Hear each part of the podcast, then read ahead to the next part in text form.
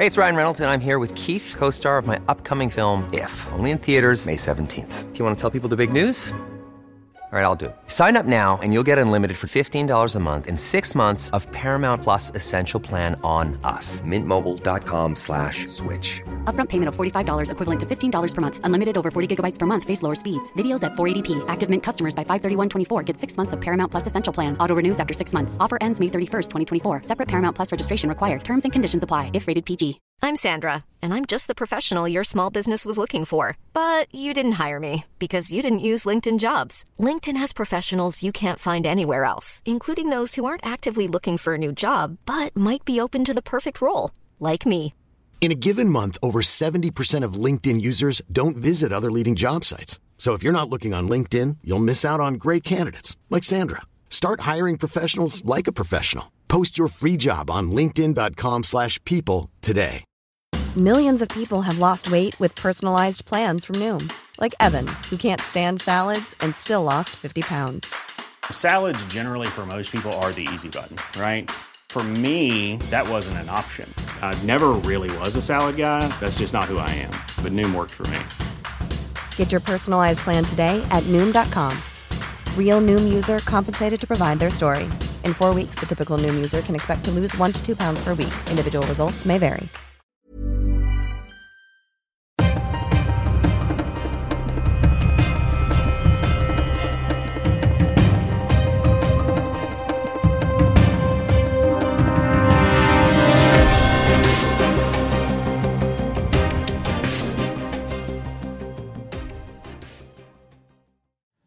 Så, då säger vi än en gång hej och mycket varmt välkomna till ett nytt avsnitt av dagens Juridikpodden. I studion som vanligt William Eriksson och Stefan Wahlberg, men idag igen för andra veckan i rad även med en gäst och det är inte vem som helst utan det är Eva-Lisa Wallin. Du är varmt välkommen.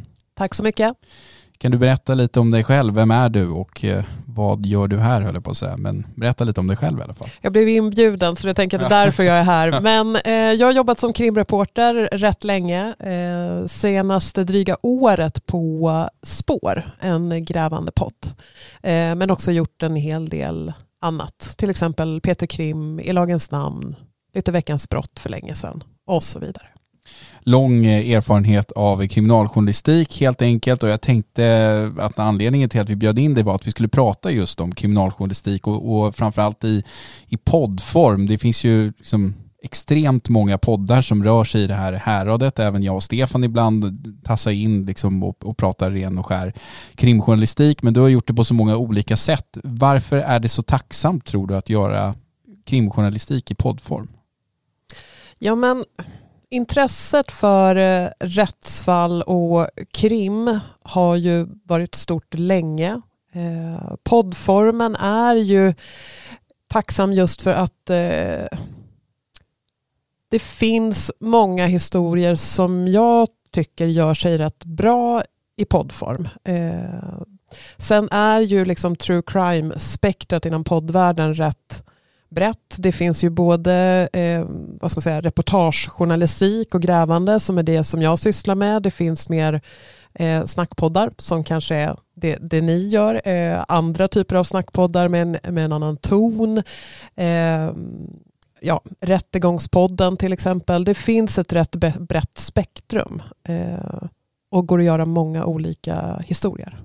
Men, men nu gör du ju, som du sa själv, mer liksom, alltså det är större reportage och, och mer gräv kanske, men när du jobbade, liksom gjorde saker på Sveriges Radio, Lagens namn och sådär, så var det ju en lite kortare form.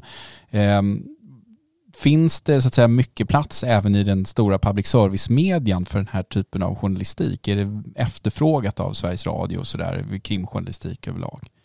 Jag skulle vilja säga att Sveriges Radio har upptäckt att det här med krim är någonting man behöver ha koll på. Både för att det är en fråga som har fått större utrymme i eh, debatten. Det här har ju varit en av de liksom viktigaste valfrågorna på senare tid. Det var inte alls lika stort ämne i valdebatterna för kanske ja, 10-12 år sedan helt enkelt. Så att eh, ja, jag skulle säga att Sveriges Radios och public service intresse för eh, eh krim har ökat. Och det är ju både då i form av Petri Krim, en podd som startades för drygt två år sedan eh, och eh, även andra format. Till exempel P1 Dokumentär miniserie har relativt ofta krimtema. Sen har vi ju P3 Dokumentär, Sveriges Radios poddflaggskepp, Sveriges största podd, som ju bygger mycket på olika rättsfall väldigt ofta. Det är intressant det du säger att, att eh, det här har inte tidigare varit någon stor het politisk fråga eh, utan har kommit den senaste tiden och det vet vi ju av alla eh, statsvetenskapliga undersökningar tillbaka i tiden att krimfrågor i motsats till många andra länder inte har haft någon framträdande plats hos eh, väljarkåren. Men nu är det så. Vad tror du kommer först, hönan eller ägget? Det vill säga den uppmärksamhet som nu i ett bredare perspektiv visas krimfrågor inom media, inte minst public service. Eller är det så att säga, vad är det som driver vad? Är det politiken eller media som driver upp intresset i, vilket, i vilken riktning så att säga? Jag tror väl lite båda delarna där, att det är en eh, växelverkan. Eh, både att det kommer eh, liksom politiska förslag men också att eh, eh det hela får mycket mer eh, uppmärksamhet i media. Framförallt så är det ju ska man säga också att det är ju skjutningar och sprängningar, alltså mord med skjutvapen och även då sprängningar där folk skadas eller egendom skadas eller, eller dör som eh, har, där rapporteringen har ökat och som också är det som det oftast pratas om i debatten som förs nu.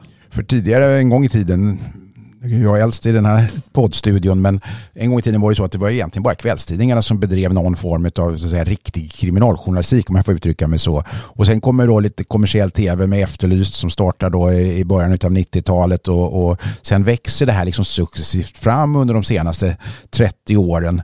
Från att ha varit en, i många journalistiska eh, sammanhang betraktat som lite obskyr journalistik som mest har haft sensationsvärde kanske till att ha blivit en väsentlig del av journalistiken som, som så att säga, går in i annat också, inte minst juridiken som i sin tur är ett utflöde av lagstiftningen och sådär.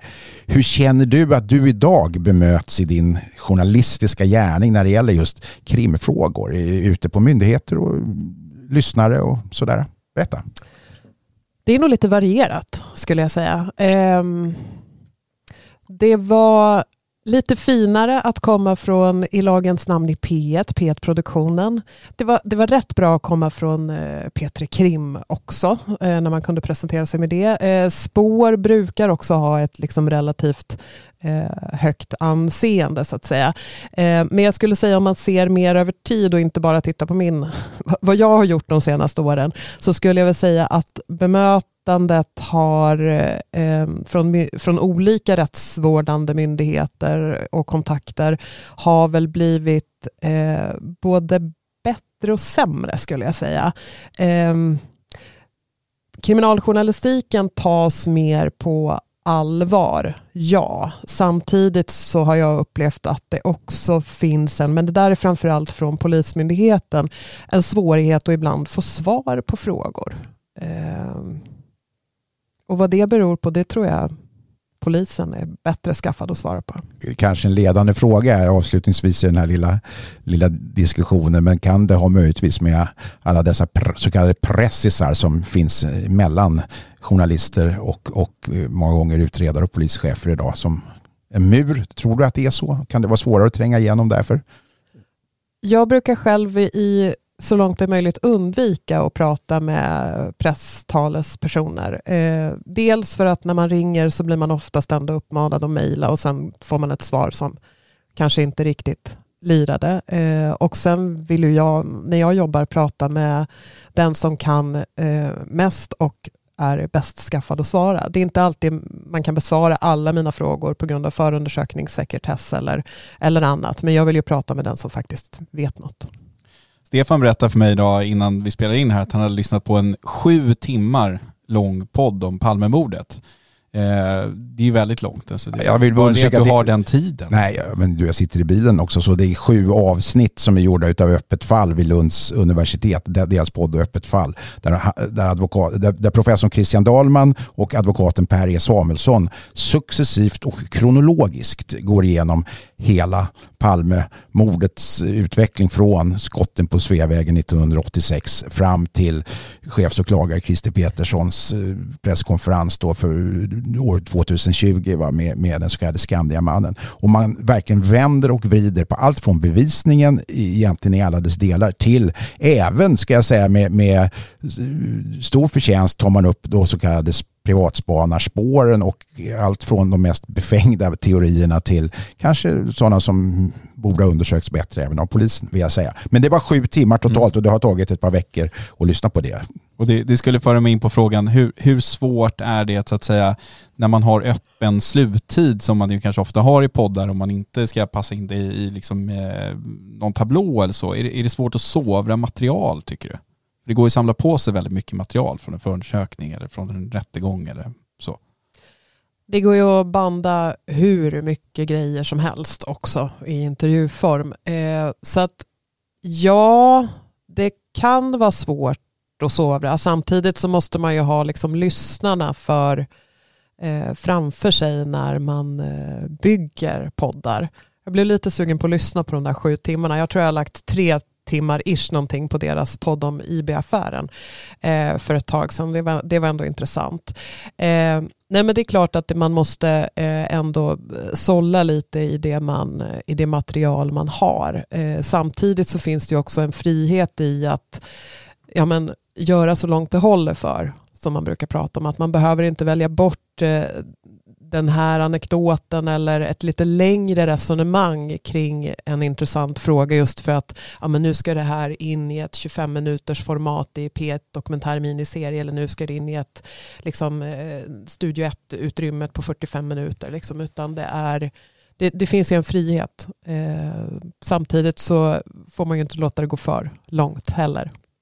Hur starkt tycker du röstmediet är, eller liksom poddmediet är, alltså som dramaturgiskt verktyg när man ska göra så pass långa och, och liksom stora och kanske ibland känsliga grävreportage som ni gör på spår? Är det tillför någonting extra tycker du att man kan få höra en viss persons röst i jämförelse med att skriva ut en intervjuform i textform och sådär?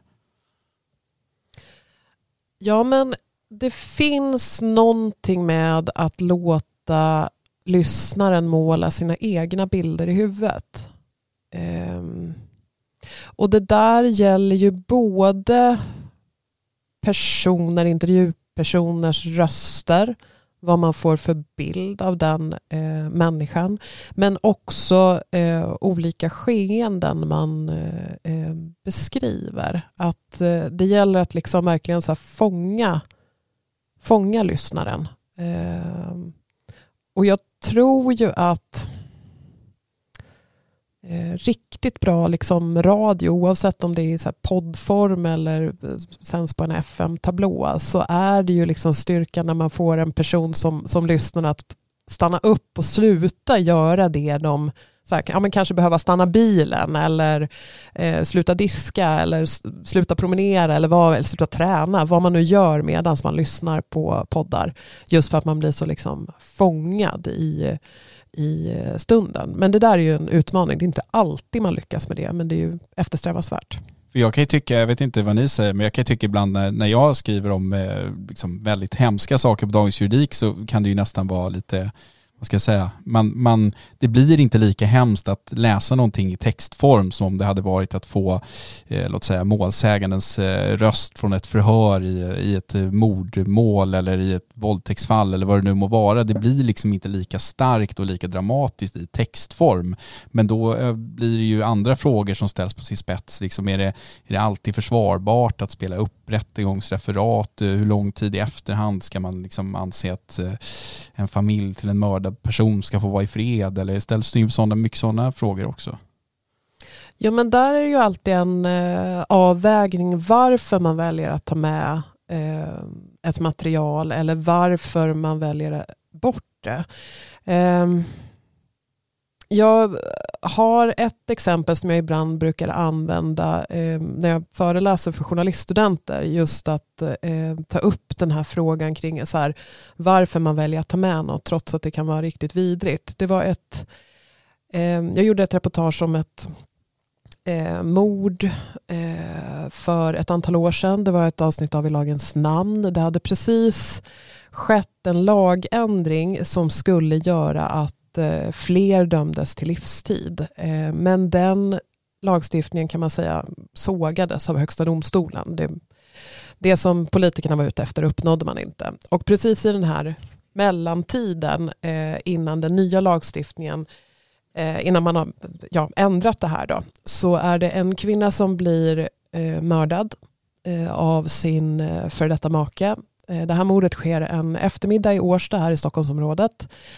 Och Eh, barnen är förmodligen på väg hem från skolan och han ringer då ett eh, larmsamtal efter att han har huggit ihjäl henne med kniv. Eh, vi valde i, i lagens namn då att ta med delar av det larmsamtalet han ringer där man hör hans röst och hans, ja, hans desperation över att de ska skicka ambulans och polis innan barnen kommer hem. Och vi lät också, vi brukar liksom inte, eller brukade, jag jobbar inte med i lagens namn längre, men vi brukade liksom inte vara så explicita kring att beskriva skador. Men i det här fallet så lät jag åklagaren läsa den här liksom rätt torra juridiska prosan från eh, stämningsansökan. Där då de exakta skadorna står uppradade. Eh, det handlade om 66 knivhugg som hon hade fått ta emot. Han hade skurit av henne delar av ansiktet. Eh, en rätt vidrig beskrivning, men just för att visa på att så här, trots eh, det vidriga, trots det lidandet, så var det här liksom inte värt livstid. Det slutade med ett tidsbestämt straff till slut. Så att jag tänker att så länge man vet vad man gör Eh, och också har liksom kontakt med eh, anhöriga kring exempelvis en sån här fråga så eh, hoppas jag att man kliver rätt helt enkelt. Det är inte, allt, inte alltid så men, men förhoppningsvis. Det finns ju två ändar i den här typen av ärenden. Nu pratar vi genomgående straffrätt och brottmål för att prata utifrån, lite grann utifrån vår terminologi här. Men i den ena änden finns ju då liksom de här rättsfrågorna och kanske till viss del bevisfrågorna men rättsfrågorna, det är juridiken som vi många gånger ägnar oss åt här och diskuterar inte minst i den här podden och skriver om i Dagens Juridik. Och i den andra ändan finns det liksom det operativa polisarbetet och det du nu beskriver, den så att säga, krassa, eh, nakna verkligheten. Eh, hur, ser du på att sätta ihop det här till det sammanhang som vi alla som jobbar med de här frågorna faktiskt vet finns där? Det vill säga inte minst i, bevishänseende utifrån det som sen ska prövas i domstolarna så är ju de här frågorna centrala ifrån det operativa polisarbetet. Hur viktar du det? Sätter du in det i ett juridiskt sammanhang när du gör din dokumentär eller är det mer för att beskriva skeendena som sådana bakom brottet? Berätta hur du ser på juridiken i det här sammanhanget. Det är det jag är lite grann ute efter.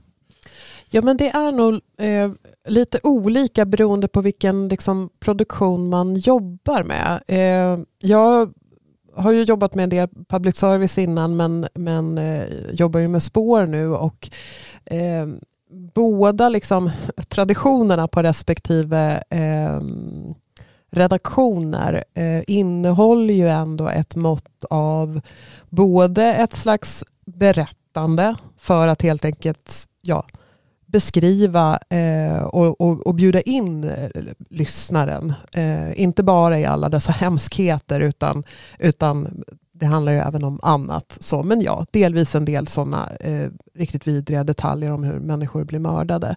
Men också för att förklara hur, ja, men hur juridiken och straffrätten fungerar. Varför det kan bli som det blir. Nu är ju inte jag eh, någon jurist. Eh, jag har mina 15 poäng göken att luta mig på men, men desto längre erfarenhet av att jobba som, som eh, kriminalreporter. Men det är ju intressant att för människor som har ett stort intresse av ja, true crime-genren men kanske också är intresserade av att veta hur, liksom, var, varför blir det som det blir? Hur funkar juridiken bakom? Att ibland liksom göra fördjupningar och Eh, förklara varför det döms som det görs eller inte döms som det görs. Hur man ska se på bevisvärdering. Vad är ställt utom rimligt tvivel? Varför blev det liksom, ja, 66 knivhugg? Hur kan det mordet inte landa i att det blir ett livstid? Eh, ett livstidsstraff helt enkelt. Så, så det är lite båda delarna och beroende på. Som det så tråkigt brukar heta. Ja, fast det var väl ett bra svar. Jag, jag, min, alltså en egen erfarenhet av det där är ju att många gånger så att den juri, Ville brukar tala om för mig att ordet juridik gör att man skrämmer bort folk och det kanske är så. Det låter tråkigt för utomstående och sådär. Intressant Ville. Jo, men, så är det. Men, men jag brukar säga att om man sätter in det i sitt sammanhang eh, och min egen erfarenhet säger mig då att om du, om du pratar med polis om en uh, pågående utredning eller spaningsinsats så pratar de om de detaljer som ur ett kriminaljournalistiskt perspektiv kanske är väldigt intressant att, att, att få svar på. Det så att säga, ger en sammanhängande berättelse i, i en både kronologisk och dramaturgisk mening. Eh, frågar du en åklagare så har han ofta andra detaljer som han gärna vill ha svar på. Sånt här som brukar handla om till exempel att exkludera alternativa gärningspersoner för att han vet att det kan bli en fråga under en senare rättegång om försvaret kommer dragandes med att den här mannen som stod där i brun skinnjacka har vi inte identifierat. Skulle han kunna vara gärningsmannen? Och, så vidare. och det blir väldigt intressant och spännande när man sätter in det i det här skeendet som är mer kriminalpolisiärt kanske än, än juridiskt. Och det är därför jag tycker att den här frågeställningen är så intressant. Ni som har tid i en av Sveriges största poddar då, som spår faktiskt det hur mycket vikt ni ändå lägger vid det. Och det är det du egentligen har svarat på, att man får in det på det här sättet. Men tycker du generellt annars att, att kriminaljournalistiken i media har allt för stark slagsida åt så att säga, den ska säga, kriminaloperativa delen snarare än den juridiska? Tråkiga svaret, det beror ju som på. Ehm, jag ska inte ge mig på att recensera precis allt som görs eh, i kriminaljournalistisk väg. Men jag kan ju notera, det har ju blivit lite av en debatt sen, sen Jan Guillous utspel för några veckor sedan kan man säga, eller utspel. Han blev intervjuad. Stod först och pratade på Publicistklubbens debatt och blev sen intervjuad. Eh, jag tycker nog att ja, men i den dagliga snabba nyhetsrapporteringen så finns det ju sällan utrymme att göra de här liksom, eh, fördjupningarna. Eh, men däremot i lite längre eh, reportage, grävande form eh, så finns det definitivt ett utrymme att nörda kring grejer. Sen kan ju jag känna att ja, men jag skulle nog kunna tänka mig rätt mycket mer nörderi. Men jag tror heller inte att jag är den liksom vanliga lyssnaren. Jag lyssnar inte som en vanlig lyssnare när jag eh, ja, men, antingen tar del av kollegors eh, olika liksom, reportage eller poddar eller eh, läser eh, tidningar eller nyhetsrapportering eller kollar reportage på tv. Så det där är, där är en lite svår balansgång. Men, eh, vad, vad, är det som, vad tror du? Eh, nu får ta ett helikopterperspektiv på din egen poddspår som då ändå har blivit en av Sveriges mest lyssnade kriminalpoddar. Vad tror du är så att säga, hemligheten bakom fenomenet? Nu får du eh, inte vara blygsam utan svara på vad framgångsfaktorerna består i. Känns börjar kännas som en ansvarsintervju det här. Nej, men, eh, nu har ju jag bara jobbat med spår i eh, lite drygt ett år. Det har funnits sedan 2015. Eh, jag tror ju, om man ska se liksom till första ämnet som eh, Martin Jonsson och Anton Berg valde, så var det ju, jag vet inte om man kan få en mer fullträff än så, att välja ett ärende där en person dömd för mord får resning och frias, Kajlina-fallet. Så. Eh, men det är ju, alltså för spårs del så handlar det ju om eh, delvis att, man, att vi tar oss an både i stor utsträckning kända fall Eh, men hittar någonting nytt i dem. Ibland okända fall eh, och kan berätta om dem. Eh, där har det varit de senaste åren, eh, inte minst. Eh, men också att vi tar ja, men både berättandet och journalistiken på allvar och går till botten vatten med saker. Undersöker, ja men hur, hur är det att gå här när det är djup snö? Hur är det att, att ligga i en säng och slåss med en kniv? Kan man byta grepp? Kan man vrida på kniven? Testa olika hypoteser, hitta experter, rota reda på saker på ett annat sätt än vad eh, ja, men, många nyhetsjournalister har eh, möjlighet att göra. Så jag tror väl att det är det. Hoppas jag. Eh, de flesta av oss som har skrivit någonting eller försökt eh, undersöka någonting, gjort en uppsats i skolan eller någonting har ju liksom stött på det här att man, man har en idé, man har en tes, man kanske ser någonting framför sig att eh, ja, men det här skulle vara spännande och här kanske det finns någonting. Hur är det att liksom börja med någonting som man vet kanske kommer ta tre år att färdigställa? Liksom? Kan det kännas som en uppförsbacke ibland under de här långa processerna när man ska producera så här pass mycket material som ni ändå gör när ni är färdigast? Ja, är väl det korta svaret på den frågan. Nej men eh, det är väl nu har vi inte riktigt så mycket resurser att man kan eh, säga nu vill jag jobba heltid tre år med ett projekt. Jag får testa det på producenten Martin när jag kommer tillbaka till redaktionen. Eh, jag tror jag kommer få nej. Eh, nej men, jo men det är väl klart att man kan känna att det finns en eh, uppförsbacke och vissa historier måste man ju tyvärr välja bort för att ibland oavsett hur mycket tid kraft och eh, blod, svett och tårar man lägger på att försöka få eh, så att säga huvudpersoner att ställa upp så säger de nej. Eh, och det är ju alltid det är ju alltid tråkigt. Vissa, vissa projekt går ju inte liksom att genomföra utan att eh, ja, men, nyckelpersoner medverkar helt enkelt. Eh, men jag är väl kan ju ibland känna mig som att jag är lite konstigt konstituerad i huvudet men jag gillar ju verkligen den här researchprocessen också och eh, ja det finns en del projekt som man har fått lägga i eh, byrålådan. Enstaka gånger har det gått att plocka upp dem och göra någonting av dem. Eh, men att det har kanske dröjt ett tag. Eh, men jag tycker alltid att man lär sig någonting eh, när man gör research och sätter sig och gör men så här, vi kanske ska kolla på de här domarna, göra ett Excel-dokument. Ja, så blev det ingenting till eh, liksom nästa säsong men det kanske blir någonting om två säsonger. Eh, eller man börjar kolla på ett fall eh, och eh, det visar sig att man har börjat kolla på det med fel timing men två år senare så helt plötsligt har det hänt någonting som gör att nej, men nu går det att berätta den här historien. Så att eh, Ja, det är klart att det finns liksom dagar då det känns som att man har en sån jäkla uppförsbacke. Men eh, det är ju liksom researchen som är intressant och kul också.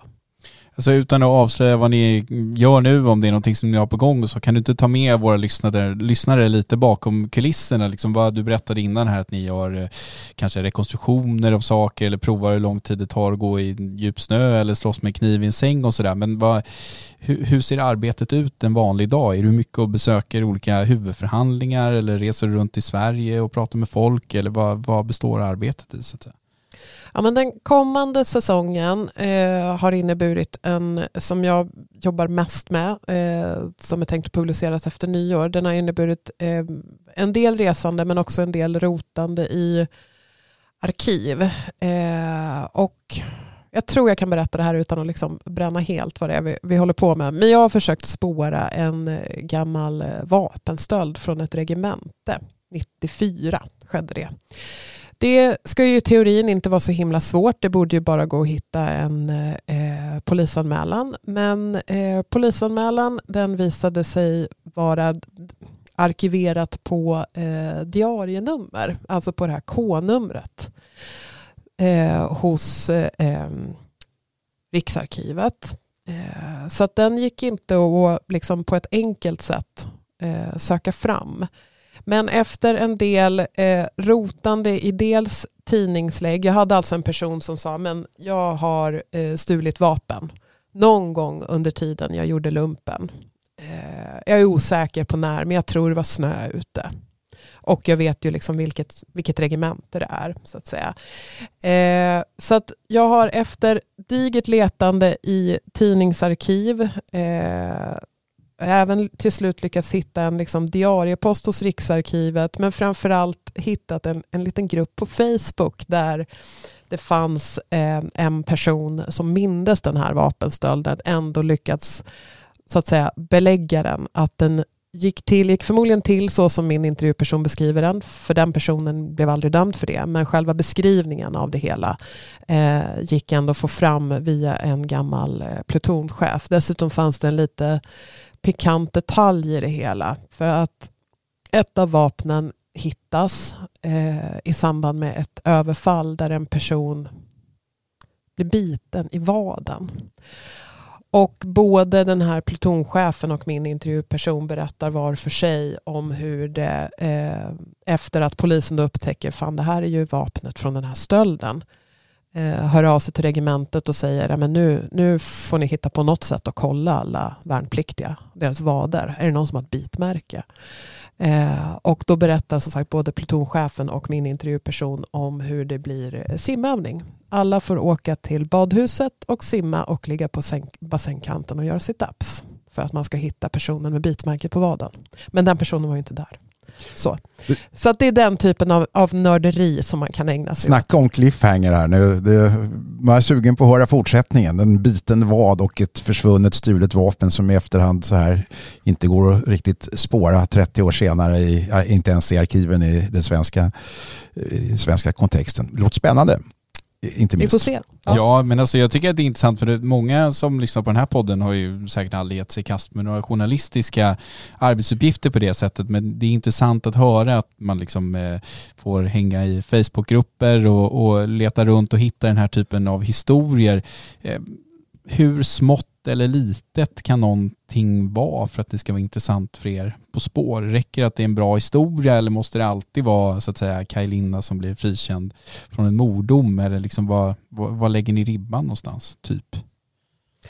Eh, det är, kommande säsong kommer inte handla enbart om den här vapenstölden kan jag ju lägga till. Då. Det, det här är en, en, en, en del i det hela, eh, men den behövde kontrolleras. Eh, nej men Eh, jag tror att skulle vi lägga, lägga ribban, eh, vi ska hitta personer som är oskyldigt dömda för mord och eh, eh det ska, varje säsong vi gör ska leda till en resningsansökan med ett eh, Kajlina-utslag. Då tror jag det blir väldigt svårt att jobba, framförallt att publicera i den takt vi gör. Men eh, jag tror vi har något slags eh, manifest där vi pratar om, ja, men de stor, vi berättade okända om de stora kriminalfallen och, och eh, gräver där, ja, där andra inte har grävt så att säga. Och eh, det är väl någonstans där vi lägger ribban. Att det ska vara, vi ska hitta någonting nytt. Eh, det ska vara ett eh, avslöjande. Eh, det ska också vara en eh, intressant historia. Eh, sen behöver inte allt röra sig om eh, mord, dödligt våld, eh, utan det kan även innehålla en del annan juridik kan man säga. Jag brekar på ett fall nu som verkligen, om det blir av, är ett, kommer bli ett väldigt oklassiskt spår. Men fortsatt eh, intressant eh, fråga i debatten. Jag tänker också så här, vi, du pratade om det innan, att den bästa kanske ljudjournalistiken är om man får så att säga någon att stanna bilen. Det är väl det klassiska exempel att folk berättar att de har hört någon på sportradion, Patrik Sjöberg hoppar 2.42 på stadion och man stannade bilen vid vägkanten eller någonting sådär. Men jag tänker det är så otroligt mycket researcharbete som ni gör här och så kanske jag går och lyssnar på den här podden samtidigt som jag dammsuger eller har någonting annat? Hur känns det liksom att folk bara kanske missar den där liksom viktiga detaljen som du har lagt ner ett års researcharbete på att hitta liksom i den här Facebookgruppen eller någonting sånt? Ja, men då gäller det att eh, berätta de där detaljerna så spännande som möjligt, eh, så intressant som möjligt. Eh, men det är väl självklart att en del research man lägger ner eh, når ju aldrig lyssnaren, eh, vare sig i form av att det ens hörs eh, Eh, i programmen vi gör. Eller att det går att, att berätta om den här eh, knickliga, knepiga researchprocessen med att hitta en anmälan som inte längre finns. Liksom. Det är, eh, jag kan ju också inse, det var faktiskt en eh, lite längre passage om det här eh, vapenstölden eh, i ursprungsmanus än vad det till slut kokade ner till i den version vi har nu. Eh, just för att det kändes så här, nej men det här kommer inte folk vara så intresserad av. Alltså visst, det finns ett visst intresse för liksom bakom kulisserna eh, kollar, men eh, inte hur stort som helst. Du, för att föra in våra juristlyssnare i den här podden lite grann i, i, i din i journalistikens värld överlag ska vi säga, så är det ett känt faktum att så kallade knäck, för de som inte har varit i medievärlden så innebär ett knäck ett, en reportage eller en artikel eller någonting, att det spricker. Och då handlar det ofta om att man ska få det att spricka så tidigt som möjligt så att man inte har lagt ner väldigt lång research på någonting som sen visade sig inte hålla och så vidare. Hur ofta drabbas du, eller ni ska jag säga, utav detta? Och i, i vilket skede utav researchen inser ni att nej, den här tesen håller inte, vi får lägga ner? Det här är ett känt fenomen i medievärlden och därför tycker jag det är intressant med just er som har så väldigt långa ledtider och omfattande research. Berätta. Ja men det eh, händer väl. Eh, det är ju personer som hör av sig till spår och eh, säger ja, men jag eller min släkting eller, eller en person jag känner är oskyldigt dömd. Det här borde ni verkligen, verkligen kolla på. Ehm, och det vi gör då är ju att helt enkelt eh, läsa, ja men börja med domen, eh, kolla förundersökningen, se om personen pekar ut något särskilt som skulle kunna vara eh, intressant och som den antingen menar har feltolkats eller som inte ens finns med i den ursprungliga förundersökningen, något man har hittat i slasken eller någon helt ny omständighet. Ehm, vi gör ju sådana kollar och ibland så, eller relativt ofta så får man ju säga att nej men det här eh, tror vi inte riktigt på. Eh, det här är nog inget för oss. Ni kan gå vidare till, till någon annan redaktion men vi kommer inte liksom göra någonting på det här. Jag har ingen statistik på exakt hur ofta det händer eh, men det händer såklart relativt ofta. Som en avslutning då, kan du berätta vad den kommande säsongen heter eller har du redan avslöjat för mycket? Vad, vad, vad kan man som lyssnare förvänta sig här nu av den säsong som kommer efter nyår? Jag kanske inte ska säga vad den heter men vi kan förvänta oss en eh, granskning av eh, polisen och en del eh, lögner kan man säga. Bra, det tycker jag var en lysande utgång. Jag kan lova att både jag och Stefan åtminstone kommer att lyssna på den här när man får höra granskning av polisen. Det är liksom Spännande. Ja, det vi brinner för. Stort tack Eva-Lisa för att du ville gästa oss i Dagens Juridikpodden. Grymt kul att ha dig här. Kul att få höra mer om poddjournalistik och spår i synnerhet. Hoppas du kommer tillbaka någon gång och, och berättar om den här säsongen kanske i retrospekten. Ja, vi får se. Tack för att jag fick komma. Varsågod.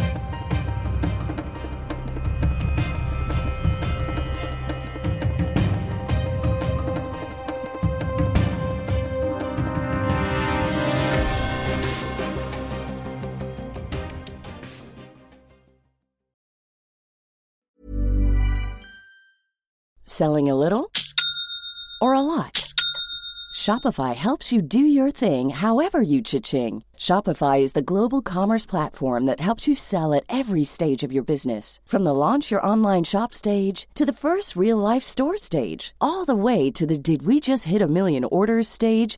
Shopify is there to help you grow. Shopify helps you turn browsers into buyers with the internet's best converting checkout. 36% better on average compared to other leading commerce platforms because businesses that grow grow with Shopify. Get a $1 per month trial period at shopify.com/work. shopify.com/work.